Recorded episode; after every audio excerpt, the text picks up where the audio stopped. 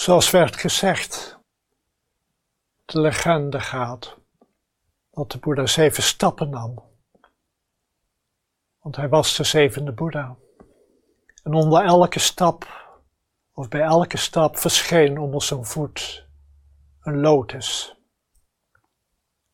Een open lotus, het symbool van de Boeddha, van het Boeddhaschap.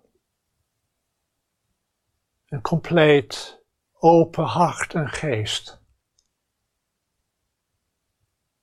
Een hart en geest volledig vrij van elke weerstand. Helder en stil. Alles ontvangend en ondertussen zijn geur verspreidend. De zoete geur. Je kan die zeven stappen ook enigszins anders interpreteren. Wel, het is de Boeddha die in elk moment zijn boeddhaschap realiseert.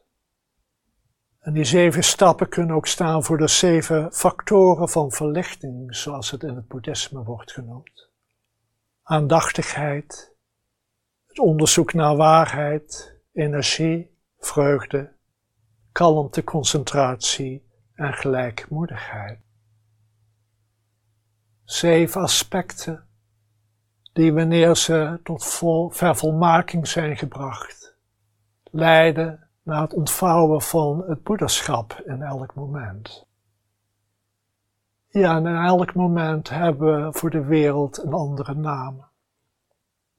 Misschien de naam van vader of moeder. Een volgende moment zijn we een zus of een broer, een leraar, een kassabediende. Zijn we een onbekende? Zijn we een werkgever of een werknemer? Noem maar op. De Boeddha stapt in zeven momenten en in elk moment is daar het Boeddhaschap. Kunnen wij oefenen zodat ook wij in elk moment kunnen stappen en ons inherent Boeddha zijn kunnen tonen aan de wereld en aan onszelf. Soms staan we in het moment en zijn we absoluut geen Boeddha.